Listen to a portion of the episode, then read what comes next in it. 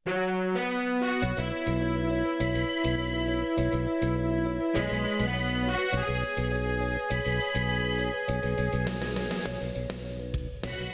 is Radio Free Asia. The following program is in Burmese.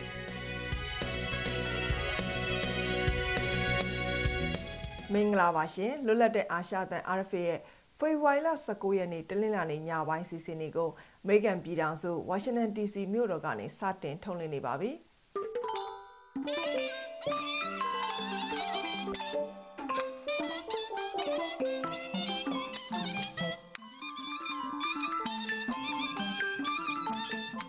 ကျမဆမ်းမအောင်ပါဒီကနေ့ညအစီအစဉ်မှာနောက်ဆုံးရသတင်းတွေနဲ့အတူမန္တလေးမြို့ကစစ်ကောင်စီရဲ့နိုင်ငံကူးလက်မှတ်ထုတ်ပေးတဲ့ရုံမှာဖေဖော်ဝါရီလ19ရက်နေ့မနေ့ကစာအုပ်ရဖို့တန်းစီရင် လူအုပ်ပိတာကြောင့်2ဦးသေဆုံးပြီး2ဦးဒဏ်ရာရရှိခဲ့တဲ့အကြောင်းသတင်းဆောင်မတွေကိုထုတ်လင်းဖို့ပြင်ဆင်ထားပါတယ်။အခုပထမဆုံးသတင်းတွေကိုတင်ပြပါမယ်ရှင်။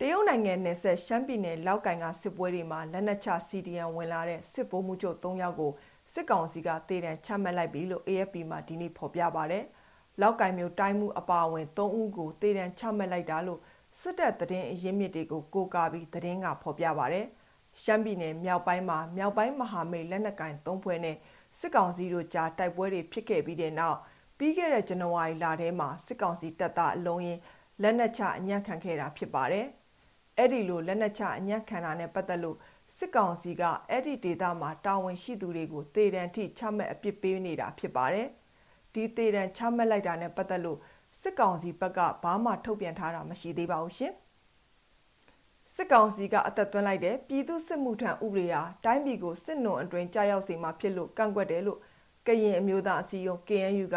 ဖေဖော်ဝါရီလ19ရက်နေ့ဒီနေ့မှသဘောထားထုတ်ပြန်လိုက်ပါတယ်။ပြည်သူတွေအနေနဲ့ဒီဥပဒေအကောင့်တဲ့ဖော်ရေးလုပ်ငန်းမှာမပါဝင်ပဲ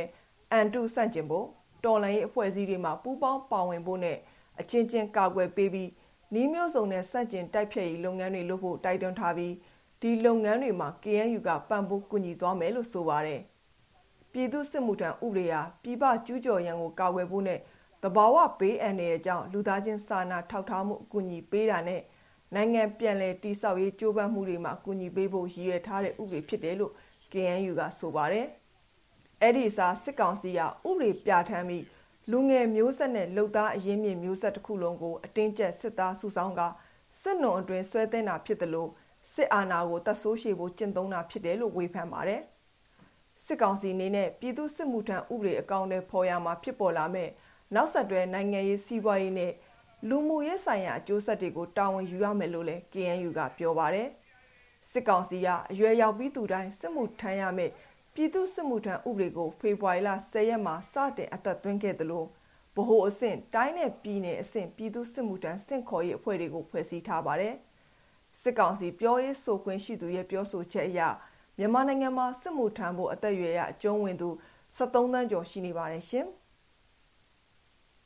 ကချင်ပြည်နယ်မန်စီမြို့နယ်စီကန်းကြီးရွာအနီးကစစ်ကောင်စီဗျူဟာကုန်းတပ်စခန်းကိုဖေဖော်ဝါရီလ19ရက်နေ့မနက်7:00နာရီဝန်းကျင်မှာ ကချင်လွတ်မြောက်ရေးတပ်မတော် KIA ပူးပေါင်းတပ်တွေကသိမ်းယူလိုက်တယ်လို့တိုက်ပွဲအတွင်းပါဝင်နေသူတွေကပြောပါတယ်။တိုက်ပွဲအတွင်း KIA နဲ့အတူရခိုင်တပ်တော် AA နဲ့ကချင်ပြည်နယ်ပြည်သူ့ကာကွယ်ရေးတပ် KPDF တို့ပူးပေါင်းတိုက်ခိုက်ခဲ့ပါတယ်။ဒီဗျူဟာကုန်းကိုဖေဖော်ဝါရီလ16ရက်ကစလို့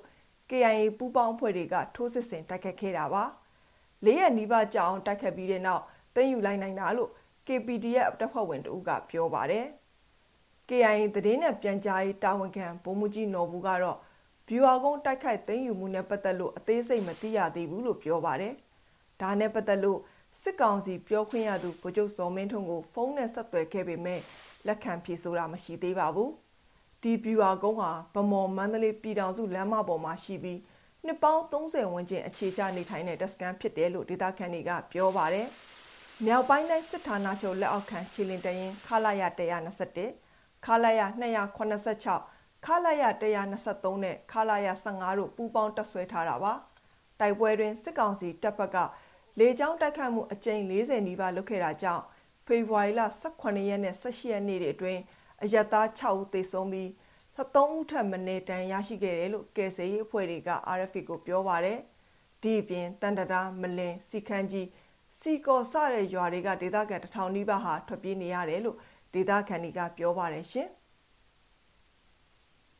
တိုင်းရင်းသားလက်နက်ကင်တွေနဲ့စစ်ကောင်စီကိုခုခံတော်လှန်နေတဲ့တော်လှန်ရေးတပ်ဖွဲ့ PDF တွေဟာမြန်မာနိုင်ငံရဲ့နယ်မြေဒေသ60ရာခိုင်နှုန်းကျော်ကိုစိုးမိုးထားနိုင်နေပြီလို့အမျိုးသားညီညွတ်ရေးအစိုးရ UNG နိုင်ငံခြားရေးဝန်ကြီးဒေါ်စင်မအောင်ကပြောလိုက်ပါတယ်။ဖေဖော်ဝါရီလ16ရက်နေ့ကနေ18ရက်နေ့ထိဂျာမနီနိုင်ငံမြူးနစ်မြို့မှာကျင်းပတဲ့လုံခြုံရေးဆိုင်ရာညီလာခံကိုတက်ရောက်မိန့်ခွန်းပြောချိန်မှာအခုလိုထည့်ပြောခဲ့တာပါ။ လက်ရှိအာဏာသိမ်း၃နှစ်ကျော်ကာလမှာတော်လှန်ရေးတပ်တွေဘက်ကအင်အားကြီးလာနေပြီးစစ်ကောင်စီဘက်ကဘယ်တုန်းကမှမကြုံဘူးတဲ့အရှုံးနဲ့ရင်ဆိုင်နေရပြီလို့လည်းဒေါ်စင်မအောင်ကပြောပါတယ်။မြန်မာပြည်သူတွေဟာစစ်တပ်အာဏာသိမ်းတာကိုအလိုမရှိကြောင်းတသံနဲ့ထွက်ပြီးငြိမ်းချမ်းစွာဆန္ဒပြခဲ့ပေမဲ့စစ်ကောင်စီဘက်ကပြစ်ခတ်တပ်ဖြတ်ခဲ့ကြောင်းဒါကြောင့်အာဏာသိမ်းစစ်ကောင်ဆောင်ရဲ့ရုပ်ဆိုးအကြီးတန်းနဲ့အာဏာရှင်စနစ်ကိုလက်ခံမလားကိုယ့်ရဲ့လွတ်လပ်ခွင့်အတွက် ပြန်လည်ခုခံမလားဆိုတာကိုရွေးချယ်ရတဲ့အကြောင်းလဲညီလာခံမှာဒေါ်စင်မအောင်က ရှင်းပြခဲ့ပါတယ်ရှင်။စကိုင်းတိုင်းရင်းမပင်မြို့နယ်နဘူးတော်ရွာကိုဖေဖော်ဝါရီလ18ရက်နေ့မနက်ပိုင်းမှာစစ်ကောင်စီတပ်သား80ဝန်းကျင်ကဝင်ရောက်ပစ်ခတ်စီးနင်းလို့အရသားတအုပ်သေဆုံးပြီးနှစ်ဦးတန်ရခဲ့တယ်လို့ဒေသခံတွေကပြောပါတယ်။အသက်40အရွယ်ဦးတောင်းခိုင်ဟာလက်နက်ငယ်ကြီးထိမှန်ပြီးနေရာမှာတင်သေဆုံးကဦးတင်ငွေနဲ့ဒေါ်ဖြူဦးတို့ထိရိုက်ဒဏ်ရခဲ့တာပါ။ နဘူးတော်ရွာမှာအတုပချနေချိန်မှာစစ်ကောင်စီတပ်ကအခုလိုဝင်ရောက်စီးနင်းခဲ့တာလို့ဒေသခံတို့ကပြောပါတယ်။ဒီစီးနင်းမှုကြောင့်နဘူးတော်ရွာအပါဝင်ကျေးရွာ900ကဒေသခံတထောင်ကျော်ဟာအိုးအိမ်စွန့်ခွာထွက်ပြေးနေရတယ်လို့သူကပြောပါတယ်။ဒါနဲ့ပတ်သက်လို့စကိုင်းတိုင်းစစ်ကောင်စီပြောခွင့်ရသူလူမှုရေးဝန်ကြီးဦးဆိုင်နိုင်နိုင်ကျော်ကို RFA ကတယ်လီဖုန်းနဲ့ဆက်သွယ်ခဲ့ပေမဲ့ဖုန်းလက်ခံမဖြေဆိုပါဘူးရှင်။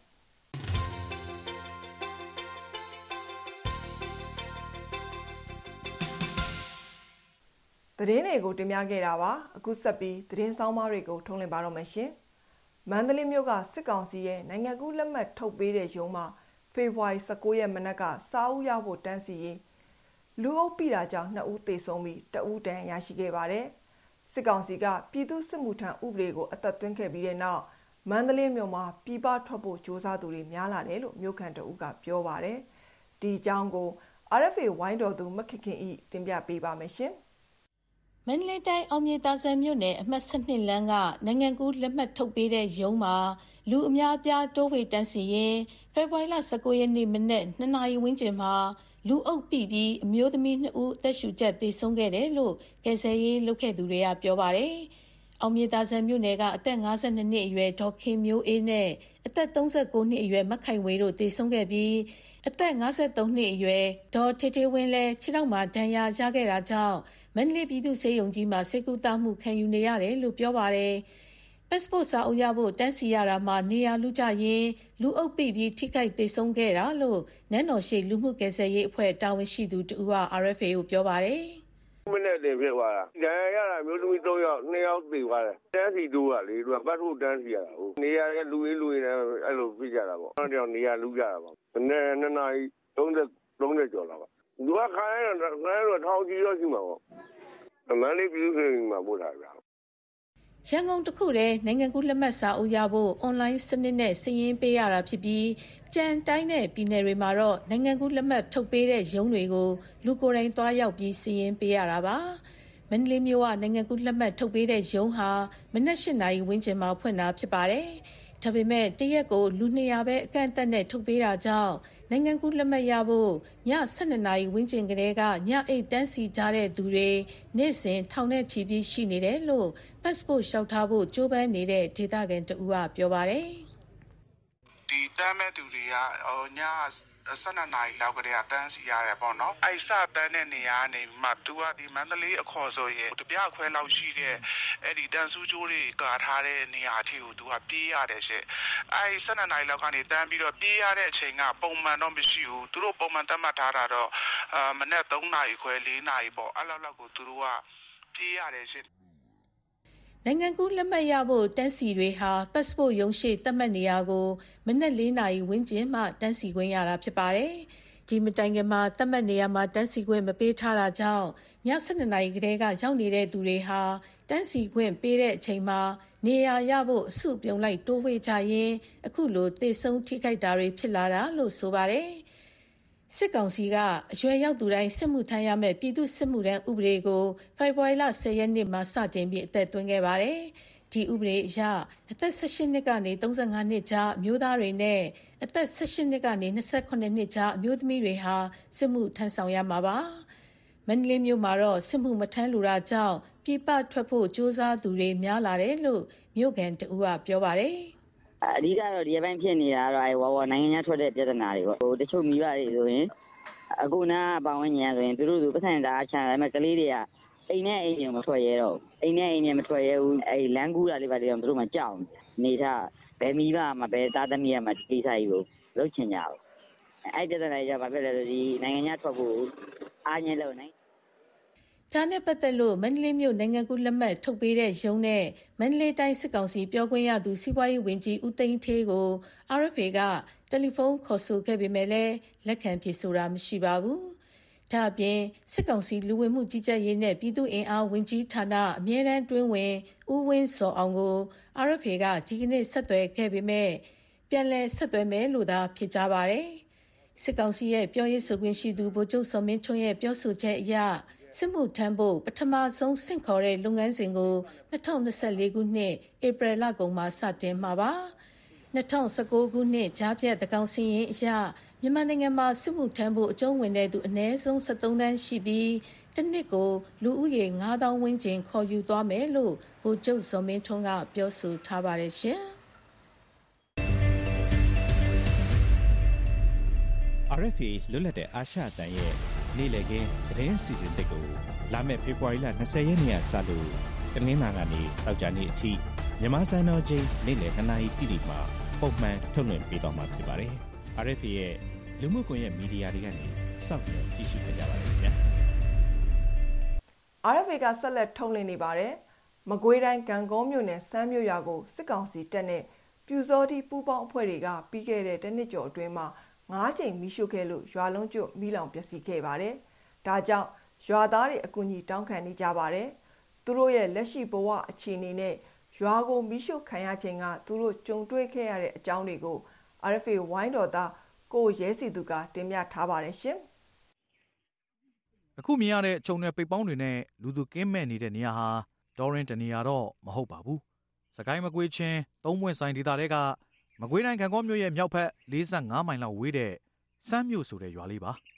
မြသားမြပေးကစမ်းမြို့ရွာဟာလမ်းမဆက်သွေးခတ်လို့ခီးသွားဧည့်သည်တွေတော်ရုံမရောက်နိုင်ပါဘူးဒါပေမဲ့စစ်ကောင်စီတပ်သားတွေနဲ့သူတို့လက်အောက်ခံပြူစောတိအဖွဲ့တွေရောက်သွားပါတယ်ဆာနာသိန်းတာကိုစန့်ကျင်လို့ဆိုပြီးနှိမ်နှင်းဖို့ရောက်သွားတာပါဒါကြောင့်အင်ဂျင်နီယာလောက်နဲ့လူဦးရေတထောင်ရှိတဲ့ရွာလေးဟာတစ်ချိန်ကရိုးရာယဉ်ကျေးမှုပွဲတော်လေးတွေနဲ့ငြိမ်းချမ်းခဲ့ပေမဲ့ ရှိသမျှမီးလောင်ပြကြပြီးအရင်လိုဘဝပြန်ရဖို့ခက်ပြီလို့စမ်းမြို့ရွာသားအသက်80အရွယ်ဦးတင်ဝင်းကပြောပါတယ်ကထိန်ပွဲတို့ဖရာပွဲတို့တပေါင်းတကူတွေမှာဒါပြီးကမှရှံပြပွဲတို့အစုံမကွာအဲ့ဒီဟာကုန်းလုံးကတော့ခါအေးအေးချမ်းချမ်းလေးနေရတယ်ကွအခုကြတော့ဟိုဒုက္ခပေါင်းလုံးကျုံလာပါကွာပြောမပြတော့အောင် ခံစားပါတယ်ကွာအခုအရန်အင်လိုမျိုးကိုဆောက်ပါမယ်ဆိုတော့လေဆောက်နှင်းတော့မှလည်းမဟုတ်ပါဘူးတိုးထဲမှာနေတိုးထဲမှာဒီဆိုလို့ဖြစ်တော့မှာပါကွာဦးတင်ဝင်းလိုပဲအသက်53နှစ်အရွယ်ဒေါ်ဝင်းရွှေကလည်းသူ့မိဘတွေစောက်ပေးခဲ့တဲ့အိမ်လေးကိုသူ့ဘဝမှာပြန်ဆောက်နိုင်မှာမဟုတ်တော့ဘူးလို့ဝမ်းနဲ့ကြည်ကွဲနေပါတယ်အမတို့အင်လည်းမိထဲပါသွားပါတယ်အမတို့အိမ်မို့ရှိပစ္စည်းလဲဖာတစ်ခုမှမရလိုက်ပါဘူးဆုံးရှုံးသွားပါတယ် အမတို့ရွာကိုစစ်ကောင်စီနဲ့ပြည်စောတိတွေပူးပေါင်းတဲ့တွေကမိရှုသွားပါတယ်အမတို့ရွာကိုစစ်အာဏာရှင်ကိုတော်လှန်တဲ့ရွာဆိုပြီးမိရှုသွားတာဖြစ်ပါတယ်အမရဲ့တတတကူမှာတခါပါလည်းမခံစားမိပါဘူးအခုအိမ်ကျမတို့အိမ်မီးလောင်သွားတဲ့အချိန်မှာကျမတို့မှာငိုပြီးဝမ်းနေမိခဲ့ပါတယ်ကျမဖေးမိဘတွေဆောက်ခဲ့တဲ့အိမ်လေးကိုကျမဘဝမှာတလို့လဲစောင့်နေတော့မှာဘူးဆိုပြီးမှကျမဝမ်းနေပြီးမှငိုစေးခဲ့မိပါတယ်သူတို့သားမိမှာလေယာမီလည်းမရှိလို့ဟင်းသီးဟင်းရွက်တွေကိုဖောက်တယ်ယူပြီး ပြန်ရောက်နေရတယ်လို့ပြောပါတယ်သူ့လိုပဲအိမ်ဆုံးရှုံးလိုက်ရတဲ့အသက်36နှစ်ရွယ်ပညာရေးဝန်ထမ်းဖြစ်ခဲ့တဲ့ဒေါ်သေးမှာလည်းအဲ့ဒီနေ့ကမြင်မြင်မြင်ဖခင်ရဲ့သမီးနဲ့အတူထွက်ပြေးခဲ့ရပြီးအရင်လိုဘဝမျိုးပြန်ရောက်ဖို့ကတော့အာနာရှင်စနစ်ချုပ်ငိမ့်သွားမှဖြစ်တော်မယ်လို့ပြောပါတယ်။အော်ကျမတို့ကစီကြောင်းထိုးလို့လောက်နောက်ကြီးကြတဲ့အချိန်ကျမှကျမတို့ကညမညောင်ဖေးရဲ့ကျမသမီးလေးရဲ့ကျမရဲ့ဒါအတောက်မလွဲ့စီထွက်ပြေးခဲ့ကြရတာပါ။ ဆောင်းထားခဲ့တဲ့မြပစ္စည်းတွေရဲ့အိမ်ကြီးရဲ့အာကုန်းကောက်စရာကမကျန်အောင်ကိုအကုန်လုံးမီးလောင်ထဲပါသွားတော့တာပါ။အရာချင်းတွေမျိုးတွေကတော့သတိရတာပါ။ဒါမဲ့အရာချင်းတွေမျိုးမူလာတင်းပြန်ရဖို့ဆိုတော့စိတ်ကောင်းစီအာနာဆောင်စနစ်ပြုတ်ကျသွားမှပြည်မှာဆိုတော့အခုကတော့အားခဲပြီးရုန်းကန်နေတာ။သူလည်းလက်ရှိမှာတော့တီးနှံပေါ်တဲ့အချိန်မှာနေစားအလုပ်နဲ့ရက်တည်နေရပါတယ်။စမ်းမျိုးရွာလေးကိုစစ်ကောင်စီတပ်သားနဲ့ပြူစောတိအဖွဲ့တွေကငါးချိန်တန်တိုင်မိရှို့ခဲ့လို့ရွာလုံးကျွတ်ပျက်စီးပြီး ဆုံးရှုံးမှုတမိုးကြက်သိမ်းပေါင်း3000ထက်မနည်းရှိတယ်လို့ရွာသားတယောက်ဖြစ်တဲ့ကိုရှမ်းကြီးကရှင်းပြပါတယ်။ကျွန်တော်တို့ရွာကနေအိမ်တိုင်း200ကျော်လုံးအကုန်လုံးနီးလောင်ပျက်စီးသွားခဲ့တယ်ဗျ။အဲကျွန်တော်တို့အစောဦးလေးဆိုလို့ရှိရင်ဒါစာတန်ကြောင်းလာလိကြတော့ပျက်စီးတယ်။စစ်ခဲနေရောဒါလာကြည့်ကြလို့တခုမှမကျန်ဖုံးကြောင်းကလွဲရအကုန်လုံးပျက်စီးသွားပါဖြစ်ပါတယ်ဗျ။ကျွန်တော်တို့ရွာကပျက်စီးသွားတဲ့ဟိုတိန်ကိုကာလာပေါက်သေးဆိုချင်တာတင်းတင်း150ရဲ့အထက်မှာရှိပါတယ်ဗျ။ဒါဒီရွာလုံးပျက်စီးသွားတာဖြစ်တဲ့တော့အကုန်လုံး ဆုံးရှုံးမှုစုစုပေါင်းဆိုလို့ရှိရင်ကျွန်တော်တို့ပြည့်မြနှုံးဟို150ကျော်တော့မှဆိုလို့ရှိရင်တိမ်ပေါင်း3000ကျော်လောက်ပျက်စီးဆုံးရှုံးသွားတာဖြစ်ပါတယ်ဗျ။သူတို့ရွာဟာပြူစောတိအဖွဲ့တွေအားကောင်းတဲ့ရွာလို့ဒေသခံတွေပြောဆိုတဲ့မြောက်ခင်ရန်ရွာရဲ့အရှိတ်ဘက်မှာရှိနေတာပါ။ဒေါ်ဝင်းရွှေကတော့အခုလိုမိရှို့ခဲ့သူတွေကိုတတလုံးခွင့်လွှတ်မှာမဟုတ်ဘူးလို့ပြောပါတယ်အမအနေနဲ့တော့မိရှုတဲ့သူတွေကိုအမအနေနဲ့တော့ ကိုယ့်ရဲ့အိမ်အိမ်လုံးမှာကတေဝါလုံးကိုပါမိရှုတာဖြစ်တဲ့အတွက်အမကတော့ကျဲလူတွေကိုဘယ်တော့မှလည်းပါမကြည်နိုင်ပါဘူးဖယ်တော့မှလည်းခွန့်လွှဲနိုင်မှာမဟုတ်ပါဘူးဒီကိစ္စနဲ့ပတ်သက်ပြီးစစ်ကောင်စီရဲ့မကွေးတိုင်းပြောခွင့်ရသူလူမှုရေးရာဝန်ကြီးဦးဝင်းရဲထွန်းကို RFA ကဒီဇင်ဘာလ22ရက်နေ့ကဆက်သွယ်မင်းမြရမှာတော့သူ့အနေနဲ့စစ်ရေးလုံခြုံရေးနဲ့ပတ်သက်တာတွေမသိလို့ထုတ်ပြန်လေးမရှိဘဲပြည်အောင်စုအဆင့်ကသာထုတ်ပြန်တယ်လို့ပြောပါတယ်။သူ့အနေနဲ့တော့ပြည်သူတွေစားနပ်ရိက္ခာမပြတ်အောင်အခက်အခဲကြားကနေလုပ်ပေးနေတယ်လို့လည်းပြောပါတယ်။ ဒါပေမဲ့ရွာသားတွေကတော့အခုချိန်ထိဘေးလွတ်ရာတောတောင်တွေထဲမှာဖြစ်တယ်လို့ရှင်းတန်နေထိုင်နေရတာနှစ်နှစ်လောက်ရှိပြီလို့ပြောပါတယ်။ဒါကြောင့်မိုးတန်လေးတန်ခံနိုင်မဲ့အမိုးအကာပစ္စည်းတွေစားတောက်စရာနဲ့စီးပွားတွေလည်းလိုအပ်နေလို့ပြည်တွင်းပြည်ပအလူရှင်တွေအကူအညီပေးစေချင်တယ်လို့ရွာသားတွေကပြောပါတယ်။စစ်တပ်အာဏာသိမ်းပြီး၃နှစ်နီးပါးမှာနိုင်ငံတော်ဝန်စစ်ဘေးဒုက္ခသည်1.6တန်းကျော်အထိရှိလာပြီလို့ကုလသမဂ္ဂလူသားချင်းစာနာမှုဆိုင်ရာပေါင်းစပ်ညှိနှိုင်းရေးယုံ UNOCHA ကထုတ်ပြန်ထားပါတယ်ခင်ဗျာကျွန်တော်ရဲစီသူကပါ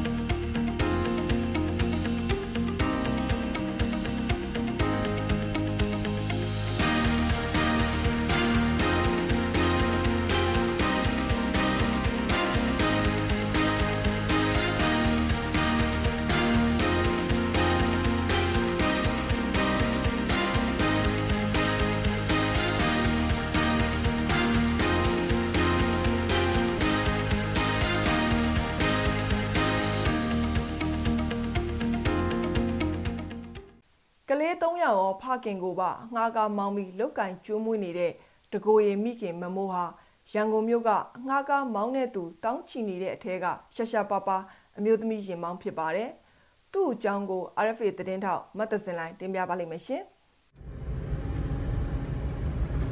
အိမ်တော်ကြီးပြိုကွဲသွားတာနဲ့ဘဝတွေပြိုလဲလို့မရဘူး။ပြိုလဲခွင့်လည်းမမိုးမပေးနိုင်ဘူးနော်။ ဘာကြောင့်လဲဆိုတော့အဲမမိုးရဲ့နောက်မှာမမိုးရဲ့သားသမီးလေး3ယောက်နဲ့အတူအဲအသက်80ကျော်တဲ့ဖခင်အိုကြီးရှိတဲ့အတွက်မမိုးအမြဲတမ်းရှင်သန်နေမှဖြစ်မယ်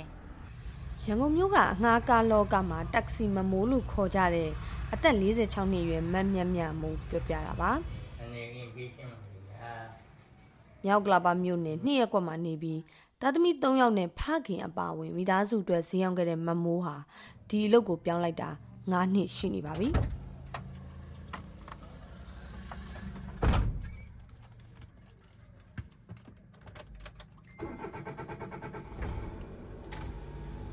ဒီနေ့ကောင်းစီမိတ်ဆွေတင်များပေါင်းတွေ့ကြမှာစိတ်ပြေဆုံးလောက်တိုင်းချင်အောင်လို့လောကီအငားကားမောင်းတဲ့အလုပ်ကိုမျိုးသမီးတွေမလုပ်နိုင်ဘူးလို့ပြောတဲ့သူခင်မွန်ဟောင်းရဲ့စကားကိုစိတ်နာပြီးလှုပ်ဖြစ်သွားတာလို့ပြောပါတယ် တစီလောကတဲ့ကိုရောက်တဲ့အကြောင်းကတော့မမိုးကိုကလေး၃ယောက်နဲ့အကျွေးတွေနဲ့ပြစ်ပြစ်ခါခါပြစ်ချသွားတဲ့ယောက်ျားကိုစိတ်နာပြီးတော့တစီလောကတဲ့ကိုမမိုးခြေစုံပြစ်ဝင်ခဲ့တယ်အဲမမိုးကိုမပြစ်ခင်တုန်းကယောက်ျားကအဲဒီတစီမောင်းတင်ခြင်းနဲ့ကားမောင်းတင်ခြင်းနဲ့ပြောတော့သူကမင်းတို့မိန်းမတွေမလုံနိုင်ပါဘူးကွာလို့ပြောခဲ့တဲ့စကားတစ်ခုကိုစိတ်နာတာလဲပါတယ်အဲ့ဒီအတွက်ကြောင့်မလို့ငါတို့မိန်းမတွေလုံနိုင်တယ်ဆိုတဲ့ဥစ္စာကိုချပြခြင်းတာပါ အငားကမောင်းတဲ့သူတွေကိုအကြမ်းဖက်လူတာရက်တာမျိုးတွေရှိတဲ့အတွက်ကြောင့်မြို့သားတွေတောင်စိုးရင်စိတ်နဲ့တတိထားမောင်းနေကြရတဲ့အချိန်မှာမြို့သမီးဖြစ်တဲ့သူ့အတွက်ပိုးပြီးစိုးရင်ရတယ်လို့မမိုးကပြောပါတယ်အဲရန်ကုန်မြို့မှာတက်စီမောင်းရတာတော့အကိုဆရာမောင်းဆရာတွေတောင်မှပဲစိုးရင်စိတ်နဲ့သူတို့လေဟိုဘယ်လိုပြောရမလဲအဲမောင်းနေရတာလေအဲ့ဒီအတွက်မမိုးကအမျိုးသမီးဆိုတော့ပို့ပြီးစိုးရင်ရတာပေါ့နော်အဲအခုဆိုရင်လေအကိုတို့ကြားမှာပါအဲ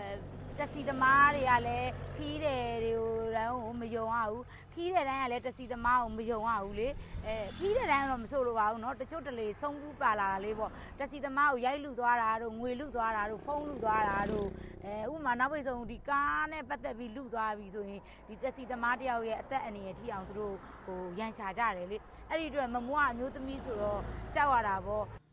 မမိုးရဲ့အဖေ အသက်86နှစ်ရွယ်ဦးညွန့်မောင်ကလည်းကားမောင်းထွက်သွားတဲ့သူ့သမီးအိမ်ပြန်ရောက်မှပဲစိတ်ချမ်းသာရတယ်လို့ပြောပါတယ်။ရင်မောင်းကလည်းခီးတယ်မရောခီးတယ်လည်းရင်မောင်းမရောဒီခေကြီးထဲမှာတစီဆွဲရတာလည်းစိုးရင်စရာကောင်းပါလေ။ဒါကြောင့်ကားထွက်တဲ့အချိန်ကစပြီးတော့စိတ်ကောင်းရှိတဲ့ခီးတယ်တွေနဲ့တွေ့ပါစေလို့သမီးရဲ့အနေကင်းပါစေလို့အင်းအနေပြီးဆူတောင်းပေးနေရပါတယ်။အိမ်ရှိကားထွက်ပြီးအိမ်ကိုတက်လာမှပဲအဖေစိတ်ချမ်းသာတယ်။ ရန်ကုန်မြို့မှာငှားရင်မောင်းဖြင့်မှတ်ပုံတင်ထားတဲ့ကားရီအတွက်9800ကျော်ရှိတယ်လို့ရန်ကုန်တိုင်းပုဂ္ဂလိကတည်ယူပို့ဆောင်ရေးကြီးကြပ်မှုကော်မတီ YRDC က2024ခုနှစ်ဇန်နဝါရီလထဲမှာပြောဆိုထားပါတယ်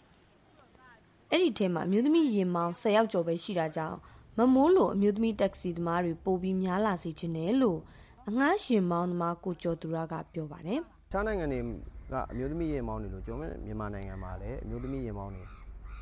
အများကြီးရှိစေခြင်းတယ်အများကြီးလည်းပေါ်ထွန်းလာစေခြင်းတယ်ဘာအတွက်လဲဆိုအမျိုးသမီးတူကြီးရဲ့အားကိုးရာလည်းဖြစ်တယ်ဟုတ်လားအမျိုးသမီးတွေညာရင်ညတာအရေးပေါ်သွားလာလှုပ်ရှားတဲ့အချိန်မှာအမျိုးသမီးရေမောင်းခြင်းသွားလာတာသူတို့အတွက်ပို့ပြီးတော့လုံခြုံမှုရှိရလို့သူတို့ခံစားရတဲ့အတွက်ကျွန်တော်ကလည်းဖြစ်စေခြင်းနဲ့နောက်ခရီးဝေးသွားမဲ့အမျိုးသမီးအများစုကလည်းအမျိုးသမီးရင်မောင်းကိုလိုအပ်ကြတာ အမှန်ပဲဆိုတာကလည်းကျွန်တော်တွေ့လဲတွေ့တယ်မြင်လဲမြင်တယ်ကြားလဲကြားရတယ်ကျွန်တော်နိုင်ငံမှာလည်းအမျိုးသမီးရင်မောင်းနေ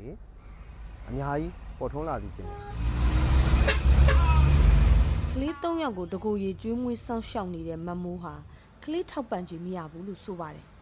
ဒါပေမဲ့စိတ်အားမငယ်ပဲအုံနာကြီးနဲ့အလုတ်လုံနေတယ်လို့ကိုပိုင်အငှားကားတစ်စီးပိုင်နိုင်အောင်စူးစမ်းနေတယ်လို့ပြောပါတယ်ရှင်။ မမွေးရဲ့နောက်မှာအဲသားသမီးလေး၃ယောက်ရှိတယ်မမွေးရဲ့ဖခင်ကိုကြီးရှိတယ်သူတို့ရဲ့စားဝတ်နေရေးအတွက်မမိုးကဒီတက်စီကိုပဲဆက်မောင်းနေအောင်ပဲကိုယ့်ရဲ့အလုပ်ကလည်းတက်စီ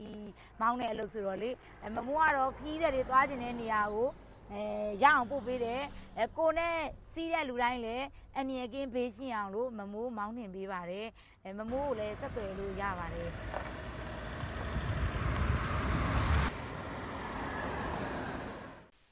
RFA ကိုကြည့်ရှုနေရတာပါရှင်အခုတခါအာရှဒေါ်လာသတင်းများစီစဉ်ကိုထုတ်လွှင့်ပါမယ်အမေရိကန်နဲ့ထိုင်းမြန်မာအရေးဆွေးနွေးနေတဲ့သတင်းအိန္ဒိယမှာဆန္ဒပြလယ်သမားတပိတ်ဖြိုခွင်းခံရတဲ့သတင်းပါဝင် အာရှဒေသတွင်ထူးခြားသတင်းတွေကိုကိုစိုးဖိုးကတင်ပြထားပါတယ်ရှင်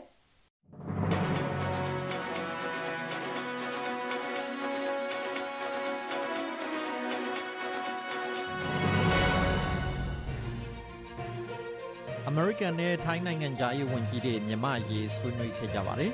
။အင်ဒိုနီးရှားရွေးကောက်ပွဲမှာတော့လက်ရှိကာကွယ်ရေးဝန်ကြီးကအနိုင်ရမယ့်အလားအလာရှိနေပါတယ်။တရုတ်သမ္မတရှီကျင်းပင်နဲ့ရုရှားသမ္မတဗလာဒီမာပူတင်တို့ဖုန်းဆက်စကားပြောခဲ့ပါတယ်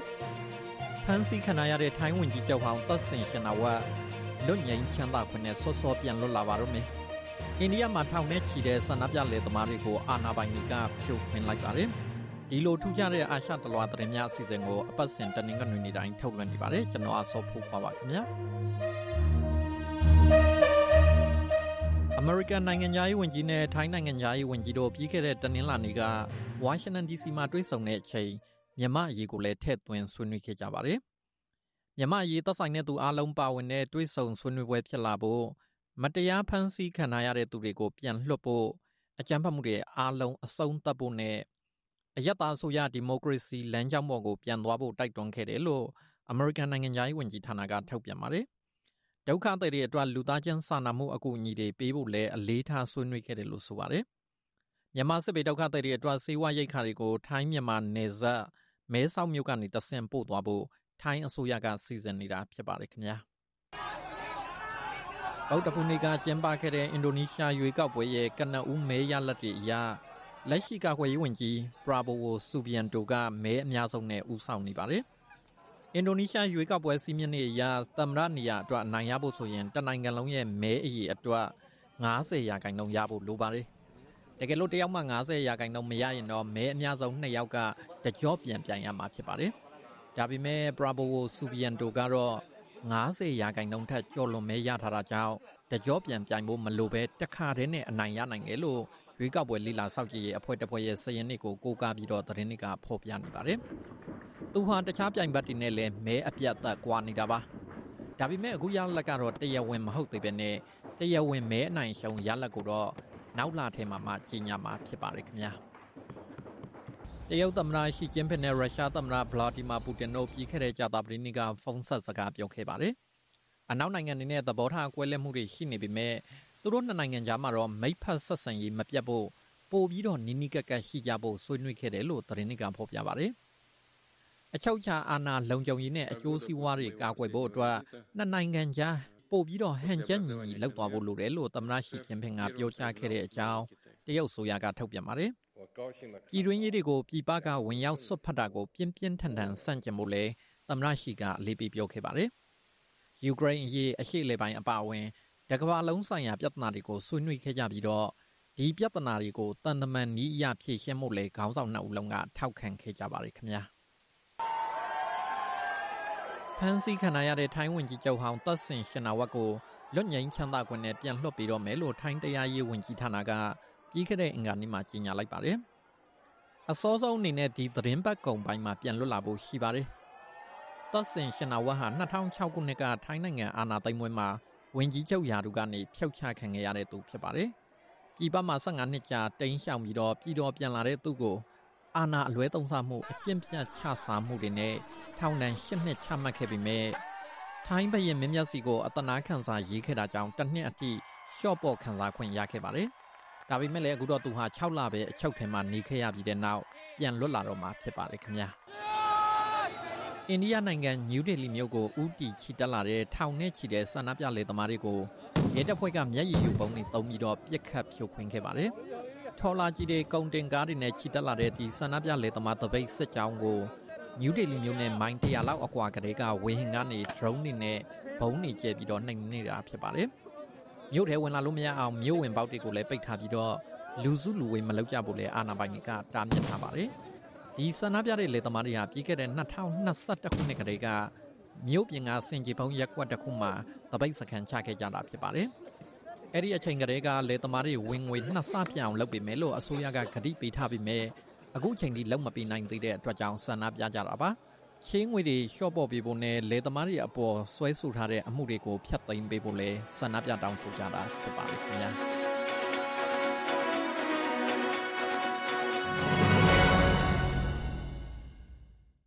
ဒီစီစဉ်နဲ့ပဲလွတ်လပ်တဲ့အာရှတန် RFA ရဲ့ထုတ်လွှင့်ချက်တွေကိုရနာခွင့်ပြုပါဒီညအစီအစဉ်ကိုတာဝန်ခဲ့အက်ဒီတာကိုစိုးဖို့ကထုတ်လုပ်ရေးမှုကိုကျော်စင်တန်းနဲ့ RFA ဖွဲ့သားတွေပူးပေါင်းတက်ဆက်ခဲ့တာပဲဖြစ်ပါတယ် RFA ကိုကြည့်ရှုနားဆင်တဲ့အတွက်ကျေးဇူးတင်ပါတယ်မြန်မာပြည်သူပြည်သားများအားလုံးဘေးရန်ခတ်သိမ်းကင်းဝေးကြပါစေရှင် You have been listening to Radio Free Asia.